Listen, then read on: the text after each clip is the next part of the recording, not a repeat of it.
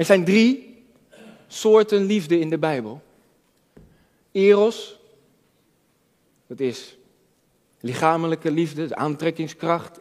Erotiek komt daar vandaan, erotische liefde, eros. Filia, dat is onderlinge, broederlijke, zusterlijke, vriendschappelijke liefde. Maar er is één liefde, die gaat veel dieper dan dat. En die gaat veel hoog, die staat veel hoger dan dat. Dat is agape. De hoogste vorm, de meest intense vorm van liefde. Dat is Gods liefde, waarmee hij ons heeft liefgehad. Amen? Oké. Maar is dat alleen de liefde van God voor ons? Wat is het grote gebod van Jezus, van de Bijbel? Wat is het grote gebod? Heb de Heer je God lief. Met heel je hart, met heel je ziel, met al je kracht en met heel je verstand. Ik heb, ik heb er een slide van. Dat is het eerste gebod, dat is het grote gebod. En het tweede hieraan gelijk is, volgende slide alsjeblieft. Het tweede hieraan gelijk is, u zult uw naaste lief hebben als uzelf. Weet u welk Griekse woord hier wordt gebruikt voor liefhebben? Agape. Dat betekent, dat zegt mij iets, dat zegt mij dat we God moeten liefhebben met agape liefde, dat is één. Maar ook elkaar en de ander die we niet kennen. Die ander die we straks weer op straat tegenkomen. Met agape liefde. Is dat moeilijk? Ja. Mensen die ons pijn hebben gedaan, om die lief te hebben met zo'n liefde, waarmee God ons lief heeft gehad. Ik weet niet of mij dat lukt hoor. Het is heel moeilijk.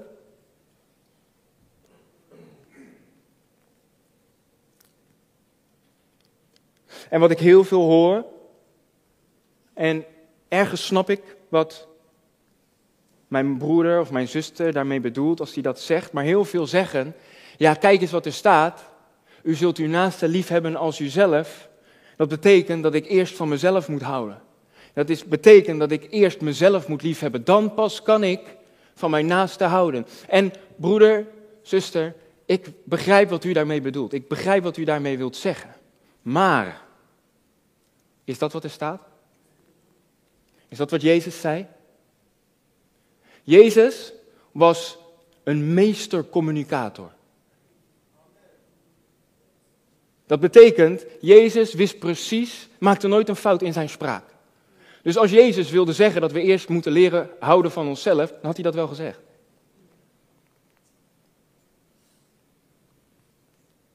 Moeten we dan niet van onszelf houden, Jordi? Wat bedoel je daar nou mee? Tuurlijk moeten we van onszelf houden.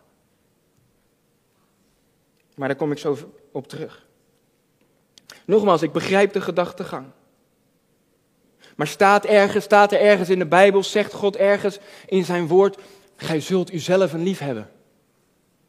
U moet uzelf lief hebben. Staat dat ergens in, in uw Bijbel? Of staat er juist in de Bijbel, u moet sterven aan uzelf?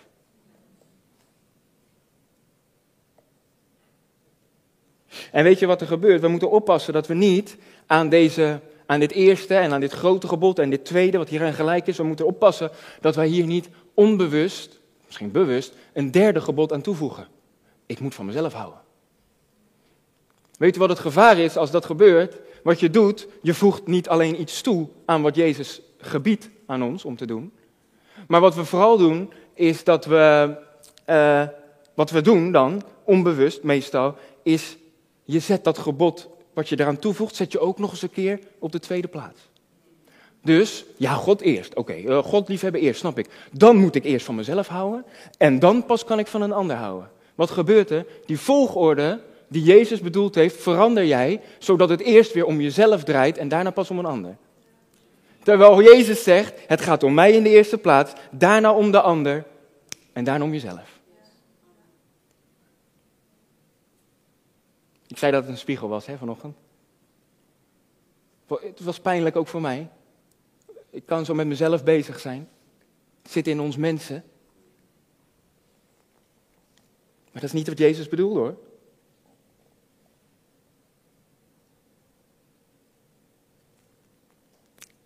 Maar wat bedoelt Jezus dan wel? Wat bedoelt God dan wel in zijn woord? Als hij zegt, u zult uw naaste lief hebben als uzelf.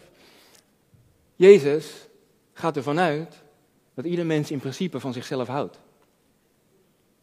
Daarom hoef ik mijn kinderen, hoe jong ook, hoef ik mijn kinderen niet te leren dat als zij honger hebben, dat ze op zoek gaan naar eten.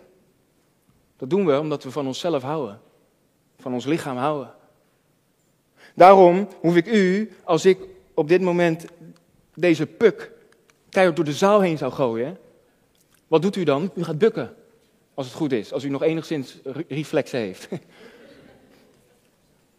Ik heb het heel vaak, ik weet niet hoe het bij u zit, maar als ik door de stad heen loop, dan moeten die duiven moeten altijd mij hebben. Die vliegen zo over mijn hoofd en, dan buk ik heel snel. Waarom? Ik wil niet dat ik pijn heb. Dat doe je wel omdat je van jezelf houdt. Sta je niet bij stil, hoeft ook niet. Maar dat is zelfliefde. Je beschermt jezelf tegen gevaar, tegen pijn. Dat is ook waarom mensen een bepaald mechanisme hebben. Dat als we teleurgesteld worden door andere mensen, dan bouwen we een muur. Waarom? Omdat we zelfliefde hebben en we denken we willen niet dat diezelfde meneer mij volgende keer weer pijn doet. Dan bouwen we een muur. Zelfbescherming, uit zelfliefde.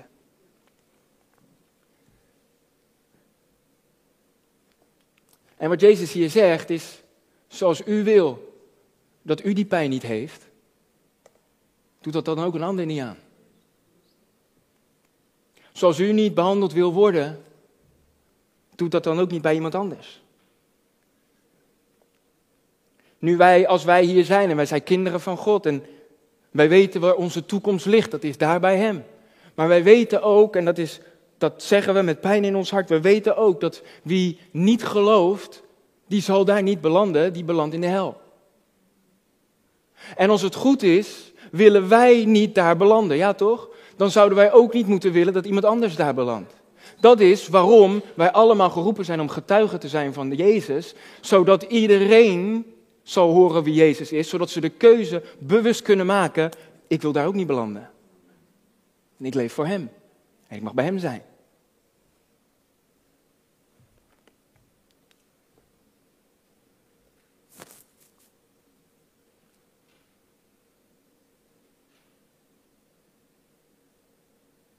Dus nogmaals, zelfliefde, dat klinkt goed.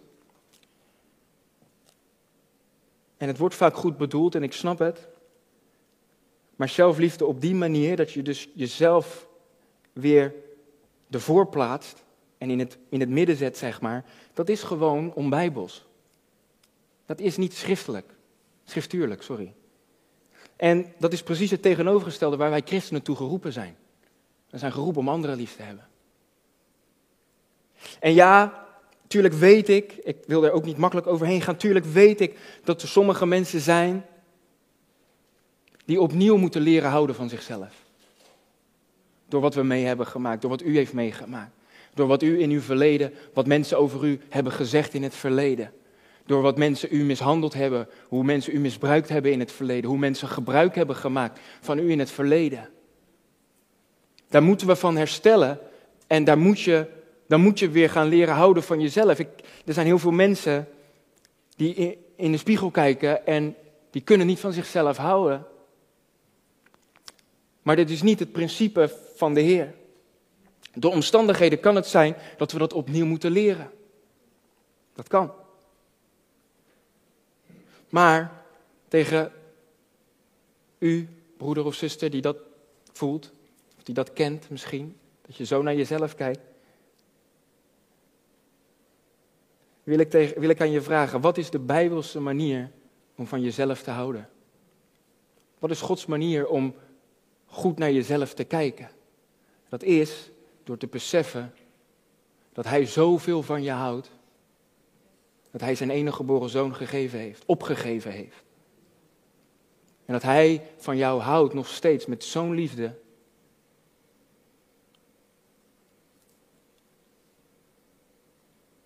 Is onvoorstelbaar. Dus waar hou je je, je, je waarde vandaan? Je identiteit? Door wat mensen in het verleden over je gezegd hebben. Wat je ouders je misschien hebben aangedaan in het verleden. Je vader of je moeder. Of je kinderen misschien. Kinderen kunnen ook heel hard zijn in hun uitspraken naar hun ouders toe. Maar de manier om van jezelf te houden is te geloven dat God van jou houdt. Is te geloven dat wat er in de Bijbel staat, dat dat voor jou is. Dat Hij jou waardevol vindt, dat jij een geliefd kind bent van God. Als jij niet een geliefd, waardevol kind van God was, dan had Hij niet zijn zoon opgegeven en gezegd: ga maar. Voor die, voor mijn kind daar, voor mijn kind daar. Maar dat heeft Hij wel gedaan. Ja, zelfs toen wij nog vijanden van Hem waren. Sterker, wij kunnen lief hebben, wij kunnen anderen lief hebben, wij kunnen onszelf lief hebben. Waarom, zegt de Bijbel? Omdat Hij ons eerst heeft lief gehad. Het begint allemaal bij Hem. Hij is de alfa en de omega, ook de alfa en omega van liefde. Liefde, echte liefde, begint bij Hem en eindigt bij Hem. Je bent geliefd, broer. Je bent geliefd, zus. En ik zeg dat nu, maar het is God die dat zegt tegen jou nu, op dit moment. En hij wil vandaag, hij wil vanochtend die muren neerhalen die jij zelf hebt opgebouwd. En jouw ware liefde laten zien, weer opnieuw misschien. Hij heeft, wij kunnen lief hebben omdat hij ons eerst, lief hebben uh, hij ons eerst heeft lief gehad. Gods goede zelfliefde is gebaseerd op Gods liefde voor ons, heb ik al gezegd. Maar als je dan inziet, als je inziet hoe God van jou houdt, hoe Jezus van jou houdt, dan kan het niet anders zijn dan dat jij ook van anderen gaat houden. Kan niet anders. Ik zei het net, Gods liefde drijft tot wederliefde. Gods liefde is nooit bedoeld om te ontvangen en dan alle deuren te sluiten. Nooit. Gods liefde is per definitie een gevende liefde. Altijd een gevende liefde. Toen Jezus aan het kruis ging, hier is het kruis, was er ook maar iets, een procent van zelfliefde in Jezus. Dat hij iets deed voor zichzelf. Nee, het was een gevende liefde. Een zelfopofferende liefde. Hoeveel het hem ook kostte, hij ging door.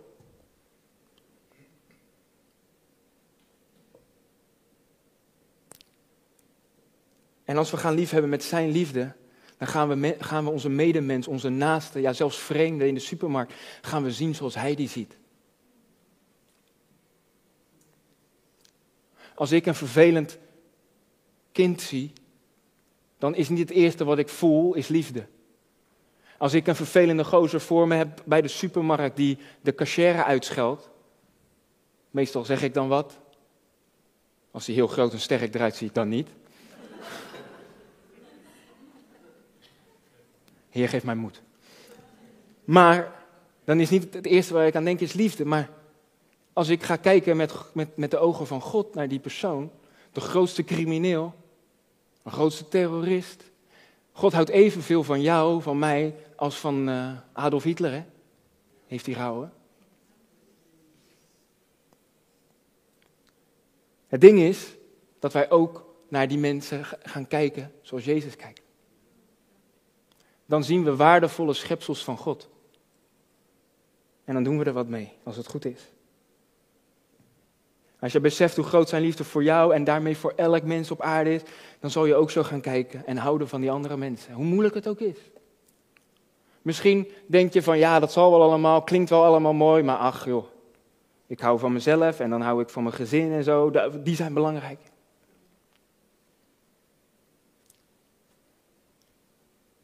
In de tijd van Jezus waren er schriftgeleerden, waren er wetgeleerden, u kent ze wel hè.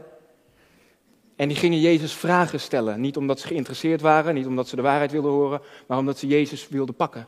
Ze dachten, kijken dat hij een verkeerd antwoord geeft, dan pakken hem. Dus er kwam zo'n wetgeleerde, die kwam naar Jezus en die zei, Heer, hoe kan ik het eeuwig leven krijgen?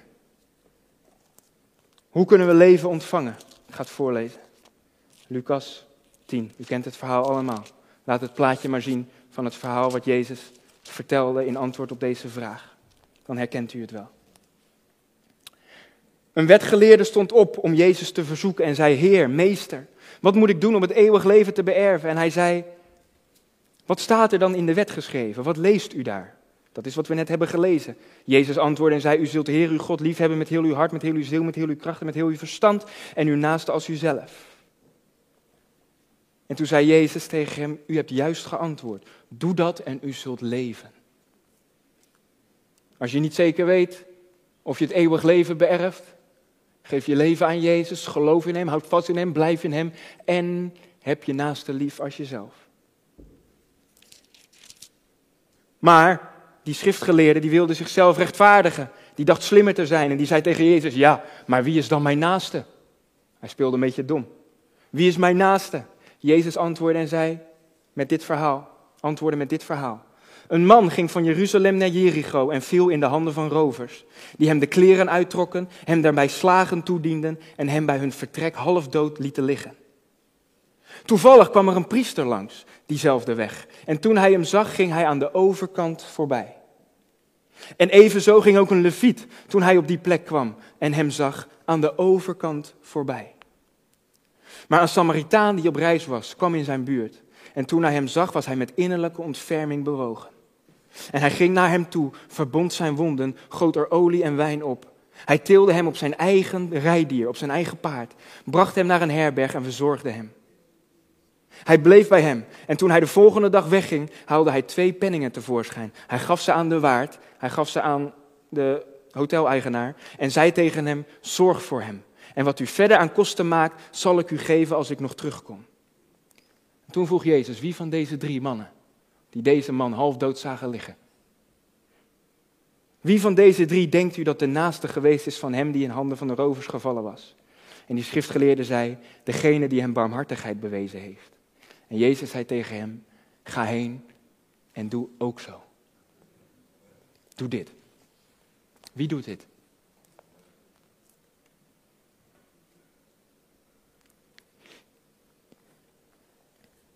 Die Samaritaan, in die tijd, een Samaritaan die een Jood helpt, is hetzelfde als een Feyenoord-hooligan die een Ajaxiet helpt. Dat gebeurt niet. Dat, gaat niet. dat gebeurt niet, in principe. Die Samaritaan, dat kostte hem wat. Het kostte zijn tijd, zijn energie, zijn geld. Kijk maar, wat, wat, wat hebben we net gelezen? Die Samaritaan, denkt u dat hij gewoon aan het wandelen was? Die was ook ergens naartoe. Maar die liet zijn plan, hij liet zijn agenda, hij liet zijn afspraken vallen toen hij die man half dood zag liggen. Het kostte hem tijd. Het kostte hem aandacht, het kostte hem energie. Hij, hij, tilde hem op zijn paard. Wat betekent dat? Die man, moest, die Samaritaan moest lopen. Dat betekent, het kostte hem energie.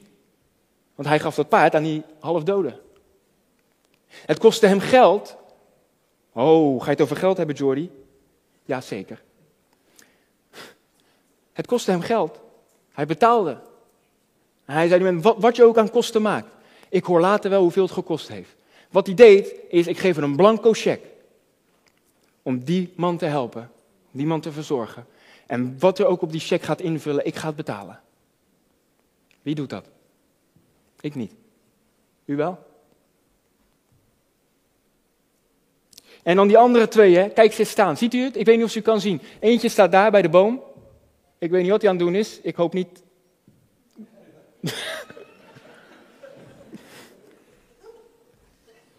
Daar krijg je een boete voor tegenwoordig.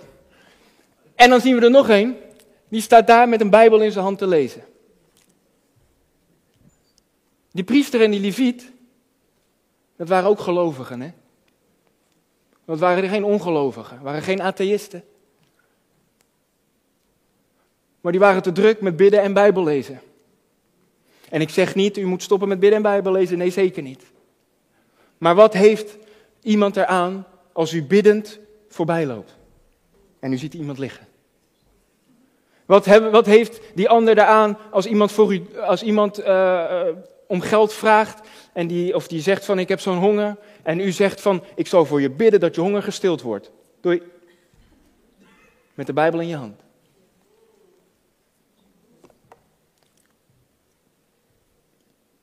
Ze hielden te veel van zichzelf om te kunnen houden van die andere man. Want ja, hey, het, het kost mij uh, mijn, mijn reputatie als ik zo'n man ga helpen. Wie weet eh, heeft hij wel besmettelijke ziekte. Ik ben bang.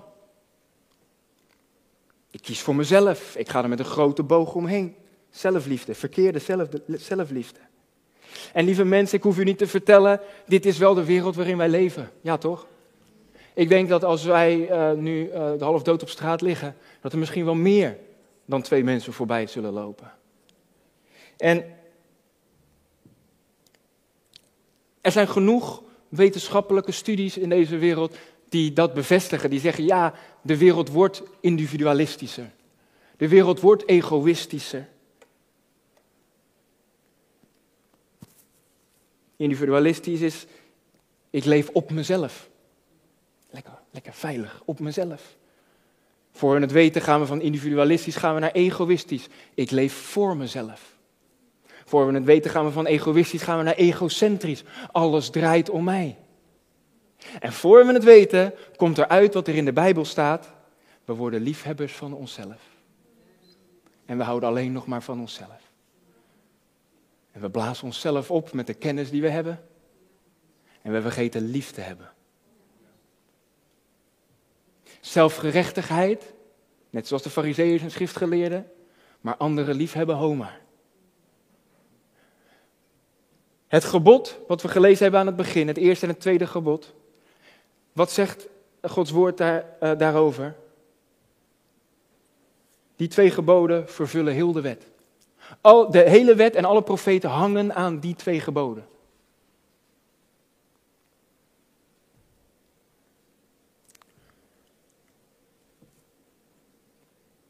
We worden, oh ja, dat woord was ik nog vergeten, we worden dan narcistisch. En narcistisch is, we worden liefhebbers van onszelf. En liefhebbers van onszelf, zelfliefde, dat is de oorzaak van een, meer, een meervoud aan zonden. Waarom?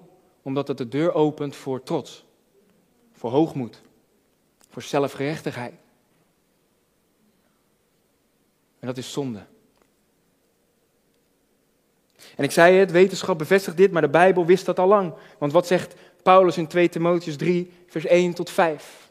Daar staat en weet, dat is een waarschuwing voor ons. Weet dit, dat in de laatste dagen zware tijden zullen aanbreken.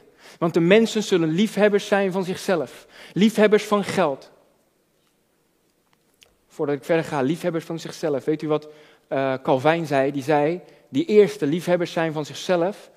Daaruit vloeien al die anderen die ernaast staan, vloeien voort uit de liefde voor onszelf. Lees maar verder. Liefhebbers van geld, grootsprekers, hoogmoedig, lasteraars, hun ouders ongehoorzaam, ondankbaar, onheilig, zonder natuurlijke liefde, onverzoenlijk, kwaadsprekers, onmatig, dus zonder zelfbeheersing, vreed, zonder liefde voor het goede, verraders, roekeloos, verwaand, meer liefhebbers van zingenot, meer liefhebbers van plezier dus, dan liefhebbers van God.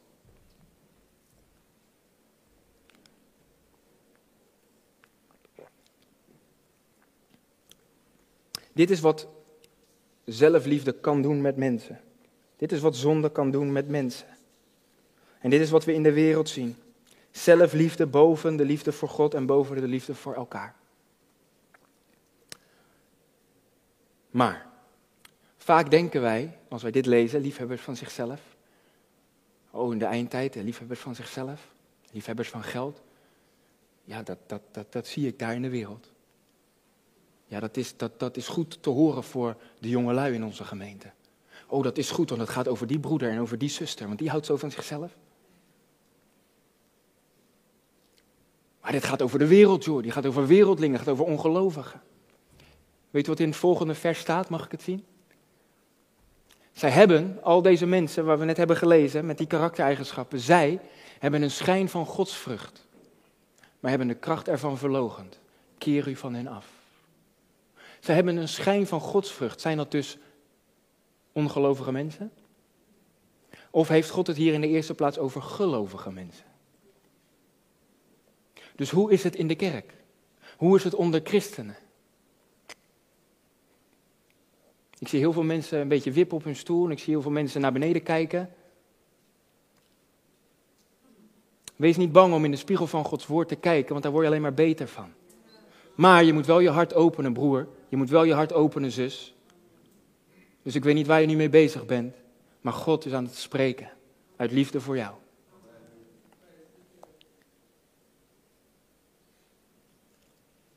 En het ding is, vaak, wij kerkmensen, wij christenen, wij vergelijken onszelf met de standaard van de wereld. Ik, zal het, ik ga het voor een voorbeeld geven. Liefhebbers van geld, moet je die wereldlingen zien. Die, die zijn pas bezig met alle materiële dingen. Wat ik, ja goed, ik wil ook wel een mooie auto hebben, maar moet je, hun, moet je hen zien. Dat is pas erg. Ja, maar moet je kijken in de wereld, wat een zonde in de wereld. Nou, ik heb ook wel mijn fouten en gebreken, ik zondig wel, maar zo erg als die mensen daar, dat ben ik niet. Lieve broer, lieve zus, wij moeten niet leven volgens de standaard van de wereld, we moeten leven volgens de standaard van Jezus. Hij was zonder zonde. Dat zou ons streven moeten zijn. Heilig zijn zoals Hij. En niet vergelijken en denigerend gaan doen over die wereldlingen. Die kennen Jezus nog niet.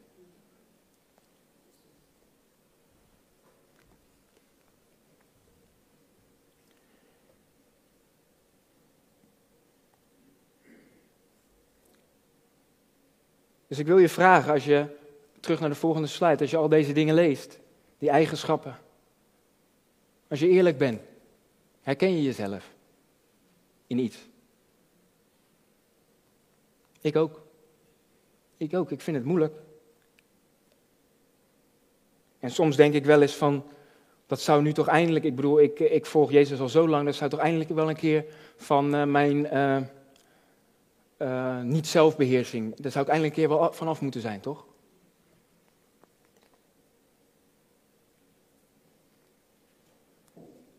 Houden we echt van God en houden we echt van andere mensen als van onszelf? Of plaatsen we onszelf toch altijd nog ervoor? Houden we van andere mensen, ook al gaat dat ten koste van onszelf? Ook al kost dat ons wat, net zoals die barmhartige Samaritaan. Ja, maar Jordi, jij kent mijn verleden helemaal niet. Je praat ook mooie woorden, maar je weet niet waar ik mee zit. Je weet niet waar ik ben doorheen gegaan in het verleden. Weet je wat het mij gebracht heeft? Dat ik mijn liefde gaf aan andere mensen. Dat ik alles gaf voor andere mensen. Weet je wat mij dat gebracht heeft? Helemaal niets. Dus Jordi praat niet zo makkelijk. Je weet helemaal niks. Je weet niet de pijn en de teleurstelling die ik heb moeten ondergaan, omdat ik mijn hele hart aan andere mensen heb gegeven. Omdat ik heb gehouden van mensen en ik, het heeft mij alles gekost. Oké, ik weet dat niet. Ik ken uw verleden niet. Maar ik weet wel dat ook al kende ik heel uw verleden wel, dan nog zou ik ditzelfde zeggen, omdat Gods woord mij dat leert. Waarom? Omdat precies diezelfde onzelfzuchtige liefde, liefde die niets terug uh, heeft gekregen, is de liefde die Jezus aan het kruis hield. Want Jezus ging aan het kruis voor elk mens in de hele geschiedenis van de wereld. En het merendeel van al die mensen hebben die liefde nooit beantwoord. En toch ging hij. Toch ging hij aan het kruis. Wetende dat hij stierf voor mensen die hem in de toekomst zouden gaan afwijzen. Maar toch ging hij aan het kruis. Dus als jij het idee hebt, ja waarom geef ik nog aan mensen, want ze verdienen het niet. Nee, jij verdient het ook niet. Ik ben alles kwijt, ik heb er niks voor teruggekregen. Jezus ook niet, tenminste van heel veel mensen. Maar, en toch zijn we geroepen om met die liefde van mensen te houden waarmee Jezus ons lief, lief, had, lief had. En dat is nou, dat is agape. Een onzelfzuchtige liefde. Een onbaatzuchtige liefde, een opofferende liefde. Wat het mij al kost, ik geef. Jezus deed wat hij deed omdat hij van de Vader hield in de eerste plaats en omdat hij van de ander hield. En de ander, dat bent u. De ander, dat ben jij. Maar ja, in de wereld kennen we dat eigenlijk niet. En dat is niet gek omdat ze Jezus niet kennen. Maar wij moeten oppassen dat de wereld ons niet beïnvloedt met die mindere vorm van liefde, maar dat wij juist de wereld beïnvloeden met Gods liefde. Maar wij veranderen vaak niet naar de standaard van de Heer, maar naar de standaard van de wereld. Zo van, ja, weet je, met, met die liefde die in de wereld is, kan ik ook wel lief hebben. Waarom? Omdat die liefde gaat altijd eerst om ik, ik, ik, ik. En in de wereld is dat normaal en dat is ook niet heel gek. Waarom? Omdat ik geloof dat de vorst van deze wereld, de duivel, op dit moment nog zo'n invloed heeft op de mensen, dat hij ons allemaal probeert, en het lukt bij heel veel mensen, te verblinden om niet lief te hebben met de liefde van de Heer, maar met een mindere soort liefde. eerst liefde die om mij gaat. Wij worden geleerd, wij worden, voordat, zonder dat we er erg in hebben, hè? alles wat u op tv ziet, alles wat u op, op Instagram volgt, al die, die, die, dat gaat om, om liefde van, van mezelf. Ik, ik, ik, waarom posten die, de beroemdheden allemaal uh, foto's van, van, weet ik veel wat, hoeveel geld ze hebben? Maar ze van zichzelf houden. Ze zoeken erkenning en bevestiging. Ze zoeken liefde. En het, wat ik al zei, het is niet gek, wij, worden daar, wij, wij groeien daarmee op. Met die wereldse mindset. Ik moet van mezelf houden en ik moet voor mezelf kiezen. Ik kies nu voor mezelf. En, en, en, en doe wat je wil. Ik heb het vaker gezegd. Het motto van de kerk van Satan is: doe wat thou wilt. Doe wat je wil. Leef lekker vrij. Het gaat om jou. Het is jouw leven. Kies, uh, doe wat je wil. En dat zien we ook in de kerk. Als mensen uh, gecorrigeerd worden in de kerk, dan hebben we gelijk lange tenen. Waarom? Ik hou van mezelf, ik kies ervoor. Ik kies hoe, hoe ik mijn leven wil inrichten, zo doe ik het.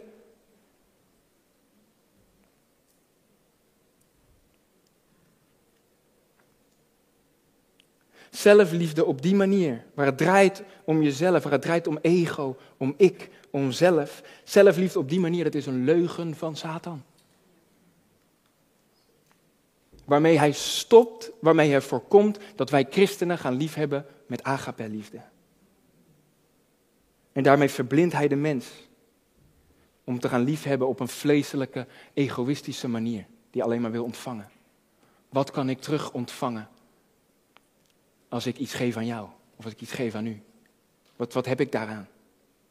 En dat gebeurt ook in de kerk, mijn lieve broer, mijn lieve zus. Liefhebbers van zichzelf, waardoor naaste liefde verdwijnt, waardoor zelfs ook liefde voor God kan verkillen en kouder worden. Want je kan niet zeggen, luister goed, je kan niet zeggen, oh mijn Heer, ik hou van u. Ik hou van u met heel mijn hart, met heel mijn ziel, met heel mijn verstand. Maar van kerkmensen, die zijn zo vervelend. Zo moeilijk. Die hebben mij zoveel pijn gedaan. Weg met de kerk. Het gaat om mij en God, alleen om mij en God. Ik hoef ook niet meer naar de kerk te gaan. Ik hoef daar niet bijgeschaafd te worden, want God doet dat wel. Onbijbels. Echt onbijbels. Voor je redding, ik zal het maar even goed duidelijk zeggen, anders krijg ik eh, haatcomments op YouTube. Voor je redding is er alleen geloof in de genade van onze Heer Jezus nodig. Daar heb je de kerk niet voor nodig, dat klopt. Maar daarna heeft God ons de kerk gegeven en ons elkaar gegeven. Want de kerk is geen gebouw, de kerk zijn wij. Heeft Hij ons elkaar gegeven om te groeien en te bloeien en vruchten te dragen. Zo, dat staat erop. Ik kan niet verkeerd gequote worden. Moet je overal voor oppassen tegenwoordig. Je kan dus niet zeggen, ik hou van de Heer, maar ik hou niet van mensen. Dat kan niet. Dat kan niet. Want God is liefde, hebben we net gelezen in het begin. Dat kan niet. Dat kan niet. De kerk is geen gebouw, de kerk zijn mensen. Sterker nog, het kerk is het volk van God. Sterker nog, hoe kan je niet van de gemeente houden? Hoe kan je niet van de kerk houden? Als je zegt je houdt van Jezus, maar Jezus heeft zijn leven overgegeven voor de gemeente.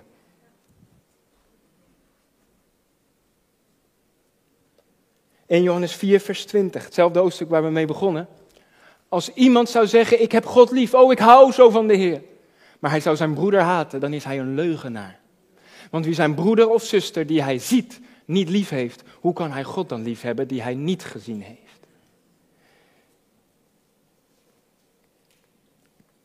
Maar eerlijk, als je aan honderd ongelovigen, aan honderd voorbijgangers hier op straat zo meteen zou vragen, Als je die vraag zou stellen. Hoe ziet u christenen? Hoe ziet u de kerk? Welk beeld heeft u van christenen onderling? Denk je dan dat ze zullen zeggen: Oh ja, die houden zoveel van elkaar. De liefde spat er vanaf onderling. Nou, wat is de oorzaak daarvan? Waarom regeert die agape-liefde nou niet, niet eens altijd in de kerk? En ik heb het over de kerk wereldwijd, hè? hier bij ons natuurlijk wel. Maar ergens anders niet altijd.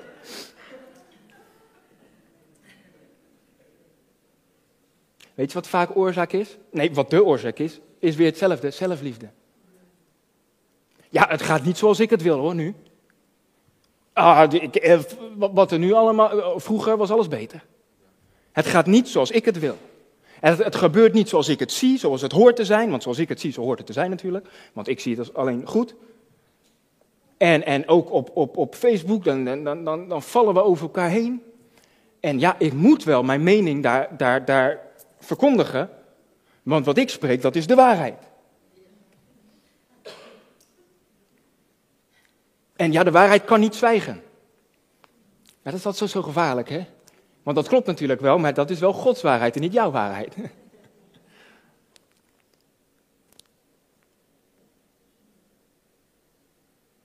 Terwijl Paulus zegt, acht de ander hoger dan jezelf.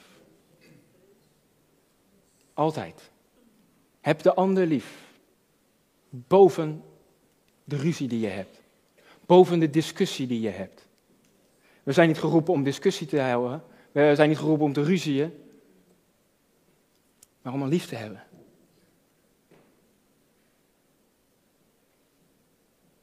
Betekent dat dat die ander altijd gelijk heeft en dat je die ander altijd gelijk moet geven en dat jij nooit gelijk hebt? Dat betekent dat niet. Maar dat betekent dat ook al ben je het ergens over oneens, dat je toch elkaar kan liefhebben. Want het gaat om liefde, het gaat niet om gelijk hebben. En dan geloof ik, als we dat gaan doen, dan zijn we niet zo snel na één discussie, oh nou dan, dan stop ik ermee dan leg ik mijn taak neer. Als we niet op één lijn, als we niet op één lijn zitten, dan. En na één discussie gaan we de kerk uit en zijn we boos op de kerk.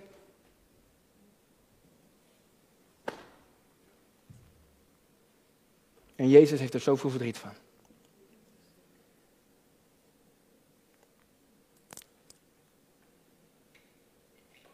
En dan vraag ik me wel eens af, hè. Ik, ik, ik, bedoel, ik ben ook natuurlijk helemaal niet perfect, helemaal niet. Maar ik heb wel geleerd dat liefde anders is dan altijd maar de waarheid te moeten zeggen. Liefde is ook de waarheid zeggen, maar je moet wel weten door Gods Heilige Geest wanneer wel, wanneer niet. En hoe, op welke manier. En daar hebben we echt de hulp van de Heilige Geest bij nodig. Wat wilde ik zeggen? Ik vraag me wel eens af, hoe dat dan gaat in het hoofd van heel veel christenen, zeg maar. Want er zijn zoveel christenen om me heen die druk zijn en, en, en uh, die, die achter het kansel staan en die zeggen van, oh en die kerk is niet goed, dat is niet goed, die christenen, dit is, dat is niet goed, dit is niet goed. Terwijl je het hebt over de kerk, het volk waar jij toe behoort. En dan denk ik, want dat zijn vaak ook nog die mensen die hoge woorden, hooggeestelijke termen, oh zalving dit, zalving dat, zalving dit, zalving dat. Weet je wat 1 Korinthe 13 zegt?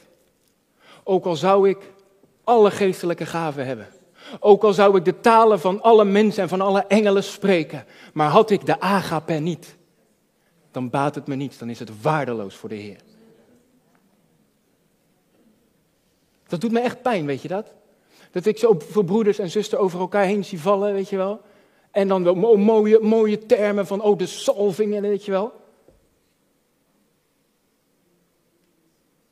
Ja, ik mag uh, profeteren en ik mag uh, woorden van kennis en oh ja, dit en dat allemaal. Maar op maandag, dinsdag, woensdag, donderdag houden ze niet van elkaar.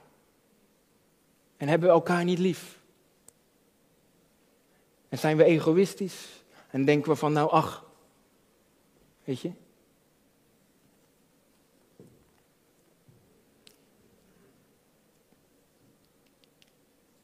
Ik zei het net, Jezus is de alfa en de omega, het begin en het eind. Zijn liefde is het begin van ons leven, maar ook het einde. Want het einddoel, alles wie wij zijn, alles wie wij zijn als kerk van Jezus in deze wereld. Wij zijn schapen te midden van de wolven. maar wie wij zijn, de opdrachten die wij krijgen van de Heer, de geboden die Hij ons geeft, de dingen die Hij ons vraagt, de dingen waartoe Hij ons roept. Weet u wat dat ten doel heeft? Altijd. Er is maar altijd maar één doel. Dat is liefde. Dat is liefde. 1 Timotheus 1, vers 5. Het einddoel nu van het gebod is liefde. Het einddoel het uiteindelijke, de climax van alles wat ik u predik, iedere zondag dat ik spreek, dat, wat dat hier gebeurt. Altijd, in alles, is het einddoel liefde. Agape. Die voortkomt uit een rein hart, een goed geweten en een ongeveinsd geloof. Het doel is altijd liefde.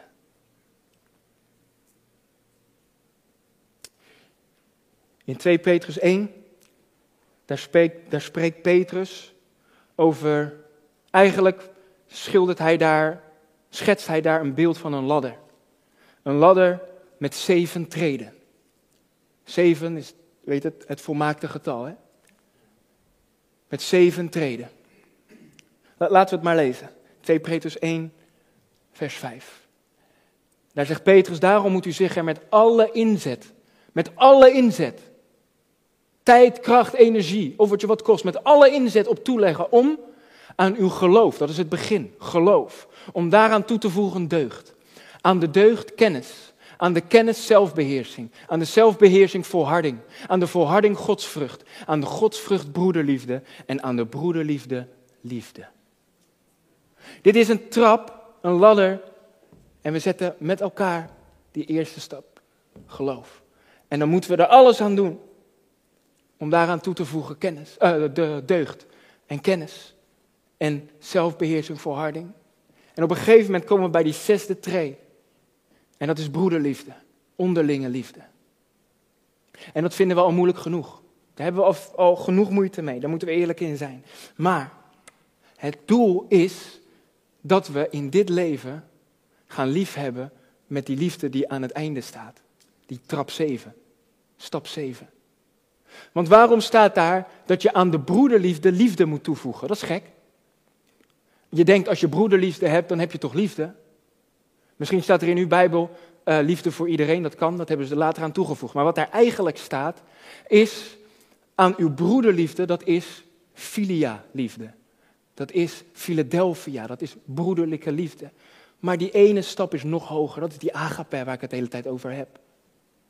En het is de bedoeling dat we die laatste stap nog gaan nemen. Om niet alleen te houden van mensen die van ons houden, om niet alleen maar te houden van mensen die ons, die lief zijn voor ons, of die goed zijn voor ons, maar juist om lief te hebben die mensen die ons hebben mishandeld, die ons hebben misbruikt, die ons hebben aangevallen, die over ons kwaad spreken, onze haters, Dat is agape. Gewoon liefhebben. Zonder voorwaarden. Gewoon geven. Liefde geven.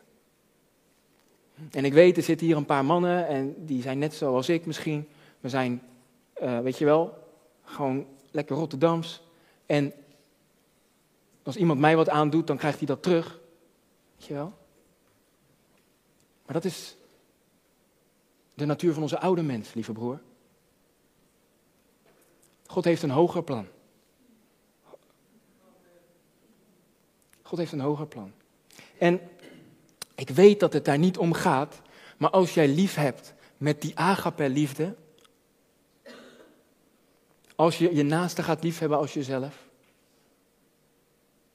dan ontvang jij nog veel meer terug dan je had ontvangen als je dat niet had gedaan. Er is een oud liedje wat ik als kind heel veel zong hier in de kerk. En de mensen die hier al lang zitten, die kennen dat. Dit is mijn gebod dat gij elkander lief hebt en uw blijdschap wordt vervuld. Uw blijdschap wordt vervuld. Uw vreugde wordt volmaakt. Hoe? Als u elkander lief hebt. Als u elkaar lief hebt met een agape liefde. Doe je het daarvoor? Moet je er zelf weer wat terug? Nee, dat hoeft niet. Maar dat is wel een bekomstigheid omdat God zo goed en genadig is.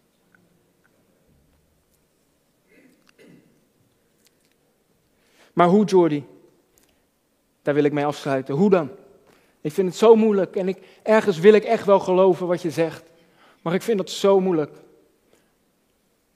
Want ik kan niet houden van mijn ex. Ik kan niet houden van mijn vader die mij nooit heeft geaccepteerd. Ik kan niet houden van mijn moeder die mij heeft achtergelaten. Ik vind dat zo moeilijk. Hoe dan? Hoe? Hoe kan ik van vreemden houden die ik niet eens ken? Hoe? Mijn laatste Bijbeltekst is Romeinen 5, vers 5. En daar staat: De liefde van God, de agape, is in onze harten uitgestort door de Heilige Geest, die, ons, die ons gegeven is. Wij hebben de Heilige Geest nodig om, op, om zo elkaar lief te kunnen hebben. Want wij kunnen dat niet van onszelf. Ik kan, ik kan praten als brugman en ik kan tegen u zeggen, u moet lief hebben. Je moet uw vijanden lief hebben, dat kan ik zeggen. Maar als dat, die woorden van mij niet gevuld zijn met de kracht van de Heilige Geest, dan kan u dat niet overtuigen.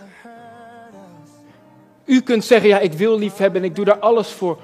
Lieve broer, lieve zus, je hoeft niet te forceren.